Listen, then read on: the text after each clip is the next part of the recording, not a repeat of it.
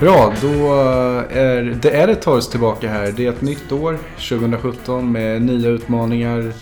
Eh, Jag som heter, pratar just nu, ja, jag heter ju också Fredrik Wiberg eh, från Svenska fans. Eh, Jobbat där i ganska många år och eh, Per Malmqvist Stolt, du är också en rutinerad räv i sammanhanget. Ja, jag har väl också varit med ett antal år. Framförallt skrivit Everton, om Everton. Och även då Old School eh, Fotboll. Där eh, podcast och jag skriver lite gamla artiklar. Men eh, nu är vi tillbaka här. Vi, vi var li, lite stressat känner jag som. Jag kommer liksom direkt från ett möte med jobbet och det är massa grejer som man ska lägga upp här för första gången på länge. Det ska funka med mikrofon och allting. Så att vi, vi får se hur vi klarar den här halvtimmen. Ja, på något sätt känns det ju lite ovant att sitta här, eh, fast man har gjort det så många gånger framför en mikrofon tillsammans med dig och surra engelsk fotboll. Men eh, så länge vi gör det så tror jag att eh, det här avsnittet kommer gå bra. Eh, och kul blir det. Ja, verkligen. Eh, som sagt, vi är inne i januari, det är måndag. Det är, som Per var inne på, stressigt. Men vi fick i oss varsin kaffe och eh, är laddade inför detta avsnitt. Silly Season eh, pågår ju den här månaden och ehm, ja, vad, vad, vad känner du? Eh, eh, vad tror du kommer hända i England och, och vilka lag tror du är mest benägna av att förstärka? Jag tror de flesta lagen är benägna att förstärka. Jag tror att eh, det, Jag har alltid trott att det kommer hända rätt mycket det här januarifönstret. Det har ju varit några januarifönstret där det, där det har varit rätt eh, dålig aktivitet egentligen. Men Mm. nu tror jag det händer en del. Och inte minst mitt lag Everton är ju desperat behov av att förstärka. Och jag vet att Ronald Koeman gick ju till och med ut med någon form av... eh, Jag vet inte vad det var. Om det, det var en vink eller en kritik mot styrelsen och Steve Walsh som då är värvningsansvarig att det måste komma till nya spelare för han tycker inte att eh, de här klarar det. Och det var ju i samband med, med utgången ur FA-cupen eh, nu i helgen. Vilket var rätt dåligt faktiskt. Mm. Nej, men du var inne på, på det här redan i oktober-september att eh, någonting måste hä- hända i Everton för att truppen som den ser ut nu är alldeles för tunn och det är obalans. Och som jag har varit inne på när jag snackar med dig att jag, jag tycker det finns för mycket yttrar i Everton och så värvar ni en ny sådan, eh, Lokman. Ja, Är det ett tecken på att eh, Merallas, Delofeo med flera har gjort sitt Ja. i Everton tror jag? jag tror det. Det har inte funkat med. Vi har ju haft en, en eh, massor med yttrar men de funkar inte. Och framförallt håller på att bli en situation nu där Koman verkar vara så att han är inte alls nöjd med truppen. Så antingen så ställer man sig på Komans sida och då får han nog byta ut väldigt många av dem. Eller så är det Koman som måste bort. För jag tror det kommer allt snabbare dit här. Så att, eh, och jag tror att eh, Koman var ju den som eh, ägaren Moshiri ville ha. Och det, de kommer nog gå på hans linje så gott det går. Men det är inte lätt att värva när det inte går så bra heller. Det är det. Och, och många klubbar är ju... ehm, I januari vill man väl ogärna kanske sälja sina bästa spelare också utan att man, man låter det, det vänta till det riktiga fönstret, eh, sommarfönstret så att säga. Där man då har sitt träningsläger, man kan förbereda sig inför en lång säsong med kuppspel och allt annat. Nu, Everton känns det som att det är en quick fix som behövs men quick fix eh, ger ju snabb, sällan snabba resultat. Nej, det, det gör det inte. Och, och, eh, vi får ju se vad det blir. Men framförallt tror jag Koman behöver spelare som har en annan typ av attityd, en annan typ av karaktär som passar hans spel helt annorlunda. Det har inte den här truppen. Eh, Så vi, vi får se. Sen tror jag också, det finns ju fler lag. Jag menar, eh, Hull City till exempel. De behöver ju desperat spelare. Ja. Men där kanske det inte heller det går att värva några. För det är liksom en klubb som är väldigt... Eh, jag skulle nog inte gå dit om jag var spelare med, med den, det stök och bök som är där. Och det, Nej. att sparka managern Phelan var ju helt vansinnigt egentligen. Vad har han gjort för fel? Han hade ju liksom ingenting att jobba Nej, med. tycker de har ju det- ändå hållit eh, hyfsat... Har de hängt med tycker jag. Mm. Ja, det var märkligt och nu ser man även ut att kunna tappa skotten Robert Snodgrass till antingen Crystal Palace eller West Ham. Det spekuleras att Hull vill ha 10 miljoner pund Mm. för, eh, för sin mittfältare där och det var väl eh, någon klubb som hade budat 3 miljoner. Så de kommer inte sälja i lättaste laget heller Hull. Nej, och- men ser man till liksom det Snodgrass ligger bakom i Hall så är det det mesta. De är bra på fasta situationer. Ja, och han är ju magisk på det. Ja. Eh, Det är liksom... Det är en klasspelare. Mm. Eh, om vi stannar kvar i London då så var det en nyhet där precis innan julafton som gjorde mig eh, väldigt irriterad. Eh, Big Sam Allardyce eh, kliver in i Crystal Palace vad deras ledning håller på med, ja det kanske vi kan utveckla här i, i samtalet. Men jag, jag tycker rent moraliskt eh, med det som Allardyce gjorde eh, i september här, skandalerna utanför. Så eh, nej, det sänder fel signaler att klubbar ändå så kort tid efteråt väljer att eh, anförtro sig till denna herre. Eh, vad säger du om Crystal Palace beslut att ta in Big Sam? Ser man nu ur ett moraliskt perspektiv så är det definitivt tveksamt. Det håller jag ju med om. Sen tror jag ju de facto att eh, det är rätt många som har liknande tveksamheter i sin lilla påse. Mm. Eh, som Allardyce har. Men nu är det han som har fått ta Det är han som har fått domen och det domen. är liksom en... Och det är ändå en dom så, att vi står Och det är en dom, så jag kan hålla med om det. Eh, däremot tror jag att omvärlden, eller den, den, nära världen i form av de andra klubbledarna och managerna förlåter nog honom rätt snabbt av den enkla anledningen att de kanske själva inte alltid har rent mjöl i påsen. Mm. Om det är så att de vill stanna kvar i, i Premier League så är ju Sam Allardyce en bra värvning. Han är ju erkänt bra på att hålla kvar lag i Premier League. Mm. Så att det är klart att de, de eh, såg nog främst till sig själva rent mm. egoistiskt där. Nej men eh, samtidigt, det är ju en aspekt jag kan förstå. Att man väljer då att Crystal Palace under Alan Pardew en ordentlig kräftgång eh, egentligen under ett års tid. Det var ju ett mirakel att de höll sig kvar i Premier League. Mm. Ehm, och hade de fortsatt med Pardew så hade det nog blivit raka vägen, raka vägen ner till Championship. Nu finns det ju faktiskt en möjlighet här för Big Sam under fem månader att stärka försvaret eh, och börja plocka poäng. För man ska inte glömma bort att Palace, jag tror de var det sjätte laget i ligan som har gjort flest mål. Mm. Christian Benteke är ju en duktig målskytt så det finns ju verkligen offensiv kapacitet. Ja, det finns det. De, får de ihop det så är det inte fel. Zaha tycker jag har varit stundtals briljant och stundtals mm. inte. Alltså, det är lite grann det som jag tycker är Pardews problem många gånger. Han får inte ihop de enskilda delarna till ett riktigt bra lag. Eh, och det tror jag att Sam Allardyce kan få. Vad tror vi om Pardew då? Jag vet inte. Han, ju, han, han lär väl dyka upp på ett nytt bra jobb igen. Men jag tror inte att det blir Premier League. Men... Engelska landslaget efter Southgate. Ja, ja det vore ju... Man ska väl ändå ha lite meriter för att ta ja. sig till engelska landslaget tycker jag. Mm. Om vi går vidare då i det här avsnittet ehm, så ehm, kanske vi ska diskutera lite nu eh, vad som kommer här eh, omgången härnäst. Mm. Vad har vi för matcher att se fram emot? Ja, det är rätt intressant ändå. Alltså, om man tittar på lördag så börjar det med, eh, Tottenham mot West Bromwich Albion. Mm. Det är den tidiga matchen 13.30. Eh, och den är väl rätt intressant tycker jag. Det är inte helt solklar seger för nej, Tottenham. Nej, och tidigare år så har ju Tottenham haft problem mot de här motstånden som man egentligen ska slå. Och nu på Svenska fans vet jag att um, vi utsåg eh, West Bromwich till eh, säsongens överraskningslag. Mm. De ligger åtta i tabellen och har ju verkligen bevisat att hemma på Hawthorns så, så är man rätt trevlig att se på. Ja, och de är ju svårslagna och jag tycker också att man det här med, med eh, Tony Pulis och man säger att det är en sämre typ av fotboll. Men jag har sett West Bromwich i flera matcher. Det är ju... Det är direkt fotboll, det är det. Mm. Men det kan ju bli ett jäkla tempo. Det är fight och det är kamp. Omställningar och de är giftiga när ja, det kommer inlägg i boxen. Ja. Och så hugger Saddam och Rondon där. Ja, Rondon är ju magisk. Men Tottenham, de tycker jag repade sig rätt rejält nu i ehm, senast. De har ju, jag känner att de har tappat lite grann i form men nu har de mm. kommit igen över jul och nyår här tycker mm. jag. Och Den, ser rätt bra. Alli, ja. De är ju, mycket klass i honom. Ja, och de är ju rätt beroende av Dele Alli och eh, även till viss mån Kane. Någon utav dem måste vara i form för att det ska funka för dem. Spekuleras även att Dele Alli är på väg till, eh, vad var det? Barcelona? Ja, Barcelona eller Real Madrid. Real jag kommer inte ihåg. Men det var liksom någon av de här stora drakarna. Mm. Och det blir väl... Eh, är han mogen för den uppgiften? Nej, jag tror att han mår bäst av att vara kvar i Tottenham ett tag till. Utvecklas några år ytterligare.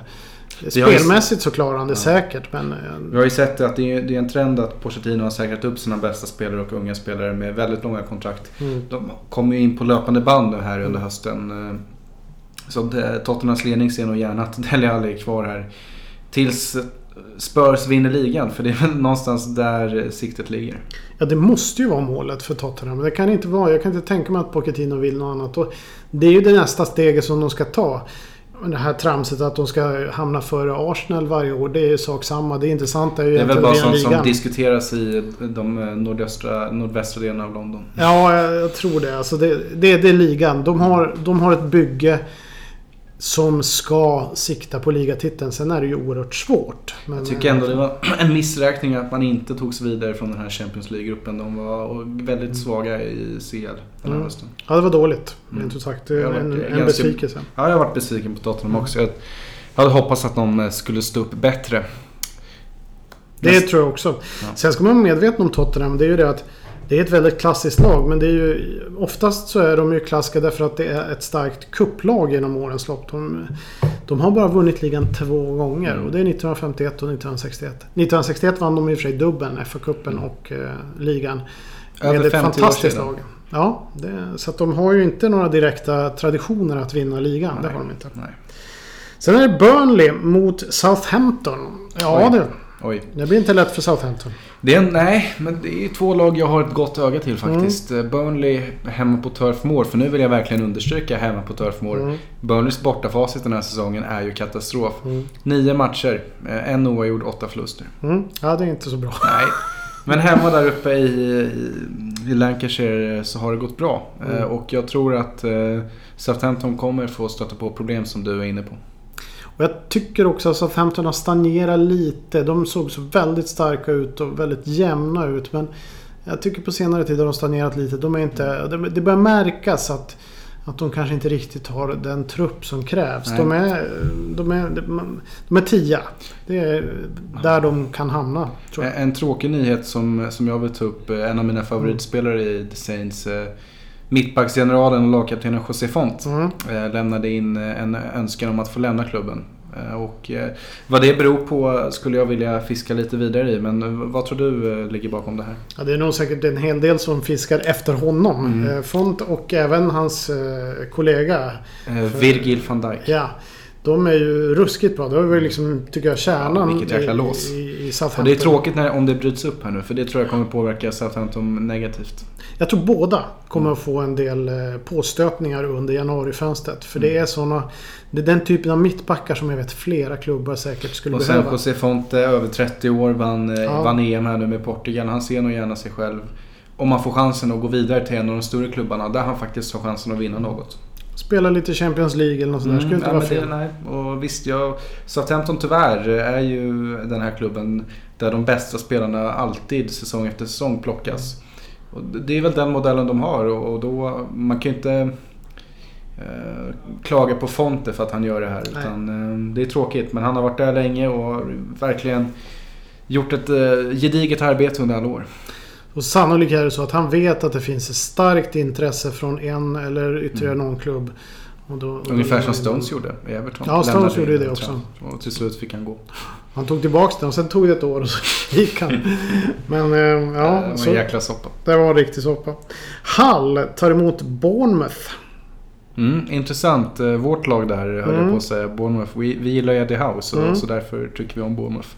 Eh, ja, det är en match eh, där Cherries eh, ska plocka tre poäng i. För att Hall, visst, då och då skräller de. Men sett till truppen och nu med en ny tränare här så eh, de har nog mycket att fundera på den dagen. Nej, jag tycker det är så dumt att de sparkade filen. Jag kan inte, kan Ska vi, släppa ska vi nämna vem som kommer in här? Ja, Marco Silva. Marco Silva, okej. Han som har varit i Olympiakos och eh, spekulerades komma till Wolverhampton i somras. Ja, Det blev inte av. Jag tror det är en... Vad tror du om det då?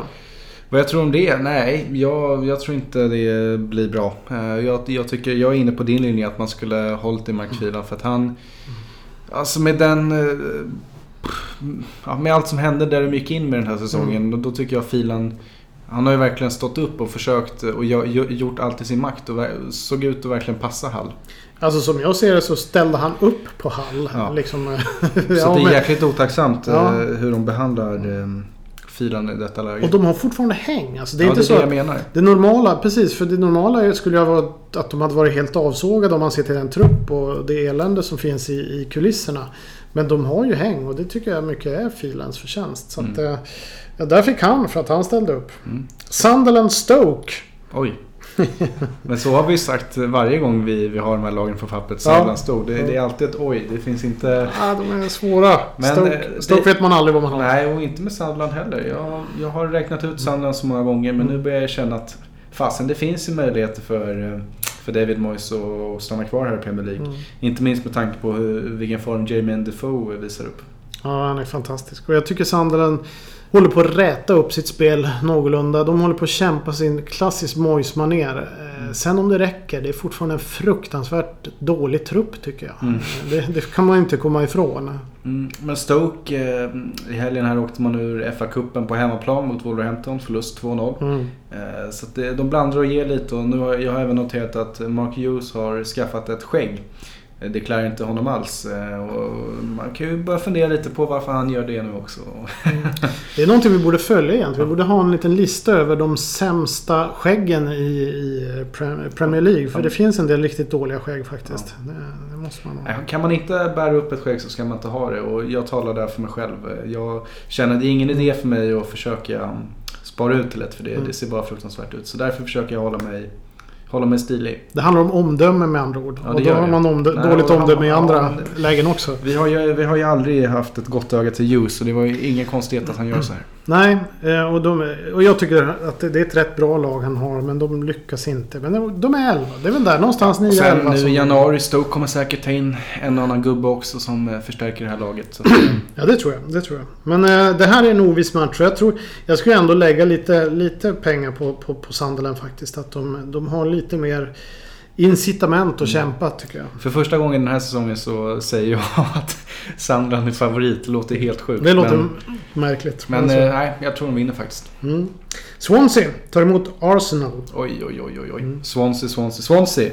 där har vi också en intressant eh, tränarhistoria där eh, Bob Bradley fick foten. Mm. Efter, ehm, efter väldigt många förluster och bara någon På månad. kort tid. Ja, på kort tid. Och många säger, var inne på att ja, men varför tog Swansea in Bradley? Det kan varit de sä- sämsta tränarvärvningar som har gjorts. Håller du med där? Ja, alltså jag förstod den aldrig riktigt. Men eh, det måste ha varit någonting där i kulisserna. Men det, jag tycker Swansea, ända sedan man eh, sparkade... Vad heter han den här... Nu, idag, nu har vi tappat namn här. Ja, det är antingen Laudrup eller Gary Monk. Gary Monk. Okej. Som är- Laudrup, Laudrup han bråkar ju alltid. Så att han, Nej, men han jag- sparkar sig själv nej, oftast. Ja, men det var en intressant tid de hade med Laudrup. Men sen blev det ännu mer intressant tror jag, när Gary Monk, eh, mittba- tidigare mittbacken i Swansea, och ledde laget, gjorde, gjorde väldigt stabila säsonger. Och av en märklig anledning så fick han gå.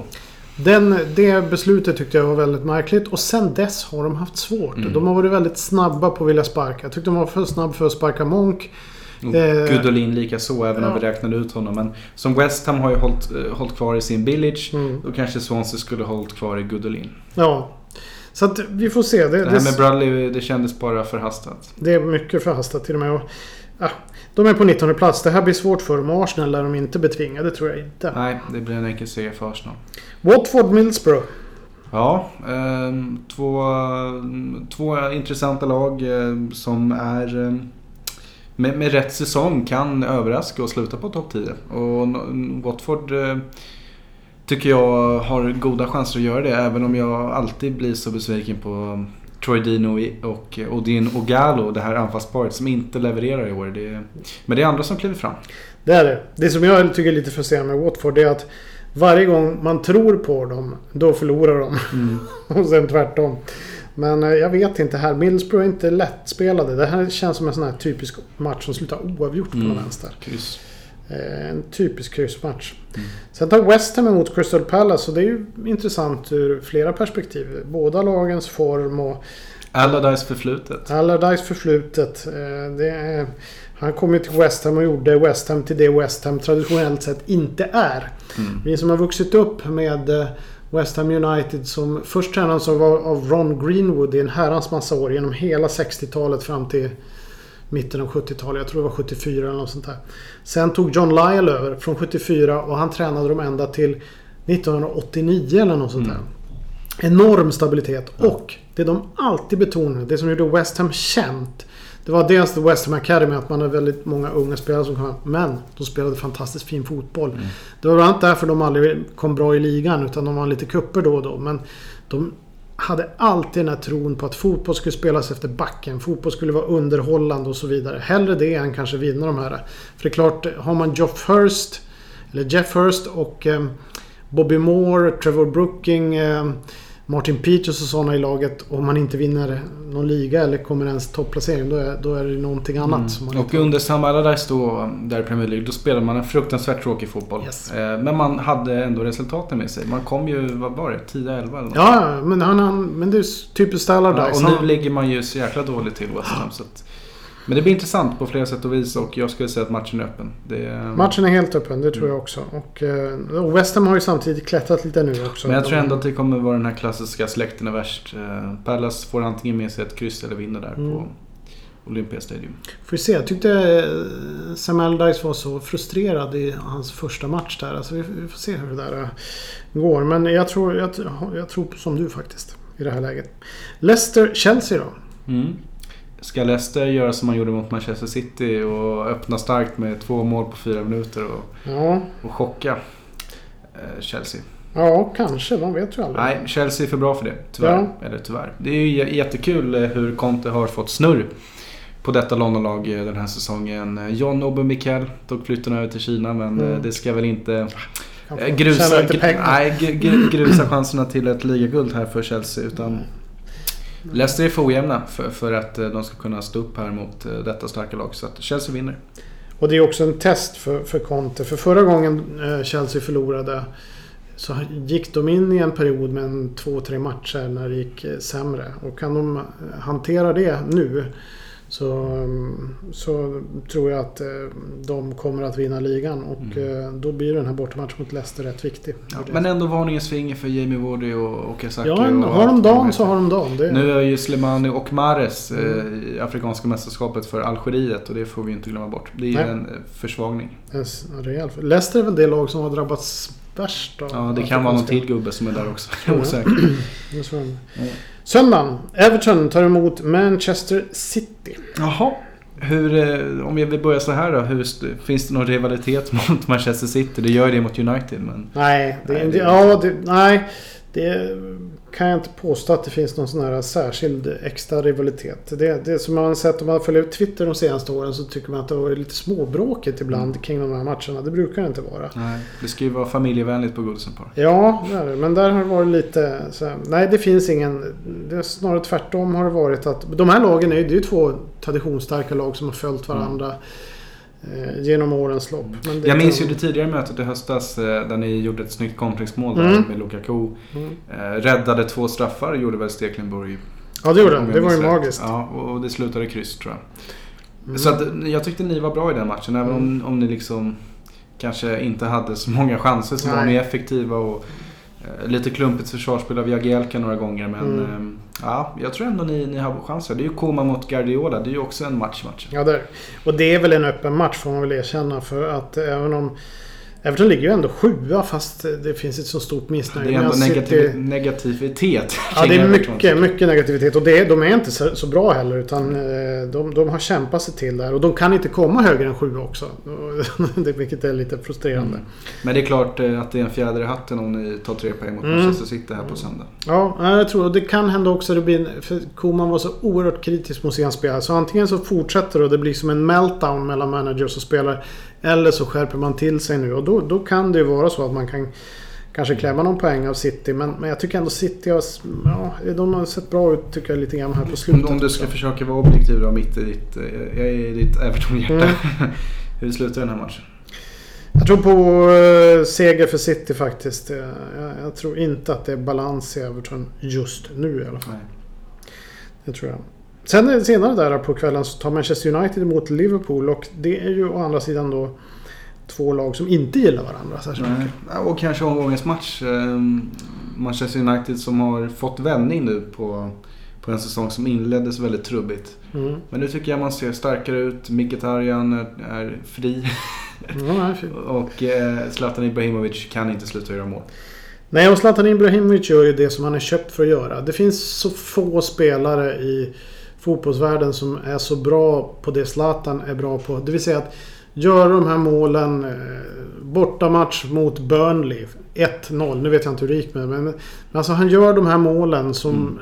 avgör i det långa loppet. Ja. De många målen i de kanske mera inte så fantastiskt illustra matcherna. Det är hans specialitet och där, det finns få som har, mm. har den nivån. Och det är ju därför han är köpt.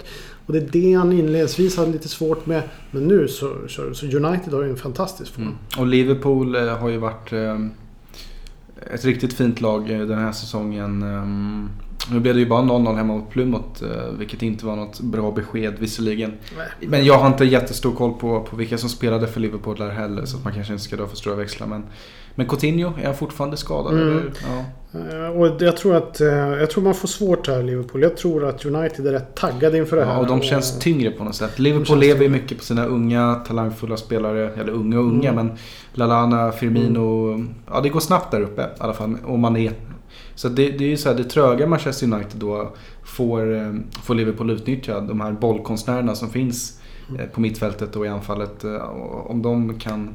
Om de tillåts ha lekstuga, det får vi se. Men det är en blytung match. Jag menar, mm. Liverpool är ju rätt... De, de vill ju hänga på Chelsea. Mm. Och antag att Chelsea vinner mot Leicester, då blir det ytterligare ett försprång. Så det är oerhört viktig match för... för det är oerhört för starkt om Liverpool vinner nu också. Här. Ja, det är det fantastiskt starkt. Då, då räknar jag med dem till, till, till kamp om ligatiteln den här säsongen. Ja, det, det, tycker jag. Jag tror att de är en utav. Det är Chelsea, det är Liverpool. Jag tippade Tottenham förut men jag tror inte de orkar riktigt Nej. hela vägen fram. Arsenal. Arsenal. finns alltid med där. Men, men det är de där lagen. United kommer tror jag spurta men det kommer inte att räcka. Nej, max en fjärde plats. Ja, City ligger och lurar i vassen men jag tror inte heller det är deras år. Så det, de har Champions League att tänka på också. Just nu skulle jag väl säga att det står mellan Chelsea och Liverpool. Mm. Vilket då kanske inte är något avancerat tips eftersom Nej. de är ett och tvåa. Men, ja. Men det känns som att de också, eftersom de är ett och tvåa, är de som ändå har varit jämnast. Liverpool tycker jag är lite för dåliga målvakter för att mm. vara liksom ett mästarlag. Men det kanske går ändå för de är så bra på allt annat. Mm, precis. Man vet aldrig. Men det var omgången det i alla fall. Vi, vi hade ju en... Eh, vi får inte glömma bort det i det här avsnittet. Det känns som vi har pratat på länge här mm. nu. Men, men vi fick ett mail från, ja. Eh, från Olof eh, ja. som ville att vi skulle snacka lite Championship. Och svarade jag tillbaka, ja det kan vi gärna göra men är det något visst lag eller ämne du vill att vi fokuserar på? Då tyckte han att det var spännande att höra lite om Newcastle och Rafael Benitez. Jag kan väl dra lite kort hur det ser ut i dagsläget. Eh, mm. Newcastle har gjort en väldigt stark säsong i Championship här och eh, är det lag som har gjort flest mål eh, om jag minns rätt. Och mm. Dwight Gale där uppe på topp, den snabbe rackaren, han öser in mål. Ja, de ångar ju verkligen på. Det, det, det känns som att... I, ja, ibland känns det som att det var den här nedflyttningen de behövde för mm. att liksom... Som många lag behöver. Sunderland ja. och som vi har varit inne på. Ja, liksom, man behöver en, en omgruppering. Ett, ett nytt, nya mm. tag och så vidare. Mm. Men då kan det också krävas en ny tränare. Men nu valde ju Magpies ledning här att eh, mm. tro på Rafa Benitez. Mm. Och han kom in i ett hyfsat sent skede så det kanske inte var hans fel direkt Nej. att de åkte Nej, men man tänker så här. En tränare som har haft de här storlagen, exempelvis Real Madrid och sådär i Champions League och ska gå ner i Englands andra division. Mm. Det är ju rätt fantastiskt. Jag måste ge cred till, till Benitez. Jag tycker han har gjort det jäkligt bra. Det, det är som, han, han har antagit en utmaning. The fat som, waiter. Ja, som, som han de facto kanske inte har någon erfarenhet av Nej. så tillvida. Han, han har ju oftast tränat, som du säger, rätt bra lag. Mm. Och eh, ju längre han har tränat dem desto sämre har de blivit. De har oftast varit bra i början. Nu ska vi inte göra de liknelserna men det är ungefär som se Guardiola ta hand om eh, Leeds mm, Championship. Ja, ja, det hade också varit kul mm. i och för sig men, ja, men du, du har rätt i det. För att, eh, det brukar ofta vara tvärtom. Att lagen som trillar ner mm. Premier League de kommer inte tillbaka direkt. Mm. Wolverhampton är ett sånt exempel. De har mm. harvat där i väldigt många år. Leeds United ett annat. Mm. Eh, vad har vi för? Det finns många storheter. Nottingham Forest, Nottingham Forest. Många, Ipswich ja. har problem. Det finns många storheter ja. nere i Championship. Derby. Derby men de gjorde ju en katastrofsäsong när de ramlade ur Premier League ja. också. Så att, ja. men eh, som sagt, eh, jag tror på Newcastle. jag, jag, tror, att, jag tror de kommer hålla och, och studsa tillbaka här nu. Och om vi tittar i ett historiskt perspektiv. Du har ju lite att berätta där. Newcastle. Ja, nej, men om vi ska gå in på Newcastles historia så är den rätt spännande den också. Men de, de började, det är ett av de tidiga storlagen. Man kan säga att i början på 1900-talet så var de en, antingen vann de ligan eller så var de i FA Cup-final. Jag tror de vann tre fa Cup-finaler innan 1909. Och, eh, eller förlåt, de vann tre ligatitlar innan 1909. Och de var i eh, en, två, tre, fyra, fem finaler innan 1911. Så de var extremt duktiga. Mm. Sen så var det, hade de en liten topp där på 20-talet. Jag tror de hade en, en gubbe som heter Huey Gallagher, en målskytt. Som eh, fortfarande har målrekordet för, för Newcastle. Som Mm. var riktigt bra på den tiden. Eh, Men sen så var det då 50-talet. Det var ju liksom en andra storhetsperiod för Newcastle. De var kanske inte så bra så att de vann ligan. Men de var ju i... eh, De tog tre fa Cup-titlar på 50-talet. Och det var egentligen första halvan av 50-talet. Eh, Och där var ju den här berömde Jackie Milburn. Som är också en känd nummer nio. De är, Mm. det, det, det är ett... eh, Alan Ja, Shearer, precis. Malcolm McDonald och så vidare. Det är ett lag som har många starka nummer nio. Sen hade de väl... Sen trodde man väl att det skulle gå rätt bra för dem. De hade en, en kille som heter Joe Harvey som tog över. Han var med och spelade i det här 50-talslaget. Han tog över som manager. Och där trodde man ju att det skulle lossna för. Men det gjorde det inte. Istället så blev det lite tuffare. Och eh, sen på 70-talet när Tipsextra började. 69 började Tipsextra. Då, då var det ju Malcolm McDonald som var den store centerforwarden som, Mm. som var den främsta där. Låter Men- som en skotte. så han var, han var engelsman. Ja. Han, och eh, riktigt känd på den tiden. Och eh, man, det man hade på 70-talet där det var ju en, en final i ligacupen och en final i FA-cupen. Finalen i FA-cupen 74 det var Huey Gallagher när hans, hans era tog slut.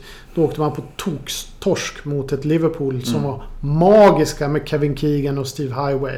Jag tror var med 3-0. Jag har sett bilder från dem. Fruktansvärt måste det ha varit att vara Newcastle-spelare där. Så då tog det stopp och sen tog en kille som heter Gordon Lee över.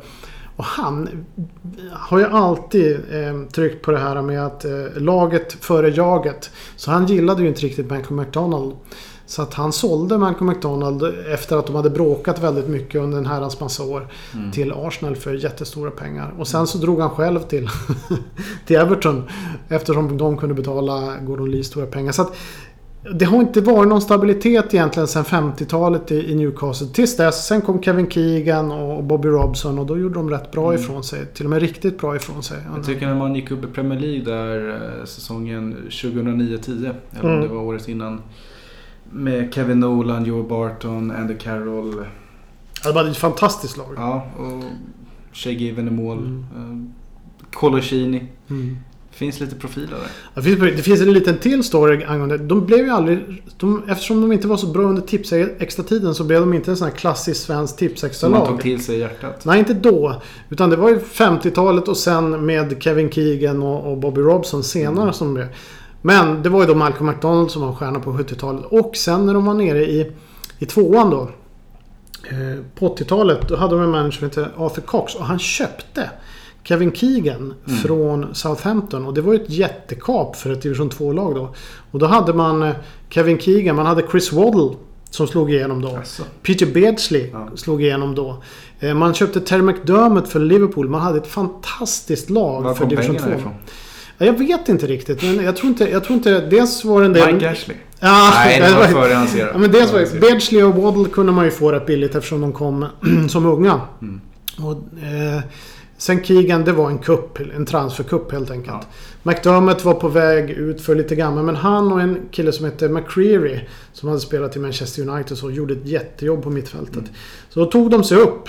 Och bland annat så spelade de en tipsextra match mot Charlton. Eh, 82 tror jag det var. I division 2. Det var ovanligt att man sände tipsextra från de lägre divisionerna då. Två klassiska lag. Ja, och Charlton hade Allan Simonsen, dansken, Jaha, den store i laget. Han spelade typ, han spelade bara en... Inte ens en, en hel säsong i, i Charlton för de kunde inte betala hans lön till Nej. slut. Men han avgjorde matchen. De, Charlton vann med 2-0. Keegan var inte med just då. Vad det känner, vad, vad känner du för The Magpies då? Jag kan inte ha stora sympatier för dem för att det är, det är nordöstra England, det är grått, Mm. trist, eh, brist på ödmjukhet. Eh, faktiskt, känner jag. jag var ju uppe i fjol var det och kollade på match där. Då vann de ju 6-2 en mot Norwich. Så det var ju, en, lite, det var ju glatt då. Men Mm. framförallt har de en magisk eh, bokhandel. Jaha, Sportbokhandel. okej. Fotbollsböcker. Som ligger bara ett stenkast från St. James' Park. Det är liksom ett mecka för oss som är lite fotbollshistoriskt intresserade. Mm. Eh, och sen jag tyckte det var en rätt trevlig stad ändå. Och jag är Man kanske lite... måste åka dit för att ändra uppfattning. Men, men Jag ut, tror det. utåt sett eh, känns det som att de är jäkligt eh, stolta och samtidigt lite Mm. Ja men vi är bäst i världen och att man kanske inte kan se utanför St. James' Park och Newcastle utan Nej. det är vi mot världen lite så. Lite så är det väl. Och det är väl den typen av kultur som odlas av de här städerna. I, eller av de där klubbarna i norr. För att det blir lite så också. Så där, därför kan vi som inte håller på dem, eh, nu vet inte jag, jag kanske bara talar för mig själv, men, men svårt att ta sig till dem och så. Men samtidigt det är ett kraftigt lag, ett stort lag, det, det kan jag inte sticka under stolen med. Så att, Nej. att se dem tillbaka i Premier League eh, någonstans är väl där de hör hemma. Jag är lite förtjust i dem när de var det här 80-talet och, och i, i Division 2 när de tog fram Waddle och Beardsley och sen kom ju Gascoigne också från Newcastle. Det, det var en cool tid. Jag tyckte det var coolt också att värva Keegan som de gjorde. Keegan var ju tror jag bara 31 år eller något sånt där ändå. Ja, men det, det är väl kul. Efter förra säsongens misär så har de ju fått eh, glädjas lite. Och jag tror också att Newcastle är det lag som eh, har sålt slut på många av sina hemmamatcher. Så oavsett division så, så, så kommer fansen de- tillbaka till St. James' Park. Och det, är- det är ju häftigt att se också Mm. att det finns någon, en, en så stor uppslutning till laget. Fotbollen betyder mycket i Newcastle. Så är det ju bara. Så är det. Och det är också en sån här grej. När, när Keegan kom där på, i början på 80-talet. Då hade de tror jag... Eh, de hade något, matchen innan eller om det var... Nej just det. det var, sista matchen på säsongen hade de typ 9000 åskådare. Sen första matchen när Keegan kom då hade de typ 30 000 åskådare. Så att Mm. mycket av den här eh, stora trycket med Newcastle kom också på den tiden. När man liksom, det har alltid varit ett populärt och starkt lag och Mm. publikstarkt lag. Men, men någonting hände också där Mm. på 80-talet när det var lite dystert. Vad tycker du om eh, Newcastle Brown Ale? Ja, sådär. Ja, jag har svårt att se storheten i den ja, också. Inte, inte, det, jag tycker inte det är magiskt. Nej, det är inte magiskt. Det är det inte. Men fler, fler ölsorter får vi ta upp Ja, på något annat avsnitt. Nu tycker jag att Per och jag bör runda av här. Ja, det gick väl hyfsat. Vi glömde lite namn och sådär. Men det, man får Kanske komma vi- igen. Ja, och som sagt. Men så är det. Ni får överseende. Det är Ja. måndag, det är tillbaka efter jul och, och FA-cupen. Och, ja, det är svårt att tagga igång på riktigt. Men, men snart får vi ju glädje att göra det. Och med det här avsnittet i hamn så, så, så blir det nog bra. Per och jag ska ju berätta också att ni får gärna höra av er. Precis som Japp. Olof och många andra har gjort under säsongen. att Mejla mig eh, eller Per eh, så, så snackar vi om det ni vill eh, höra. Lite så, för vi gillar ju det här att, att dyka in på något lag. Ja, det är jätteroligt. Eh, Och, och det, mer sånt. Mm. Ja, för det, det, annars får vi sitta och planera. Och, och Ja, ja, det, det, kan vi gärna göra också, men det är alltid kul när man vet att det är en punkt som ni lyssnare där ute vill att vi snackar om. Eh, Fredrik Wiberg, Per. Malmqvist Stolt. vi tackar för oss och är vi tillbaka nästa måndag? Ja, det är vi. Ja men vad kul. Vad bra. då ses vi här. Hej! Hej.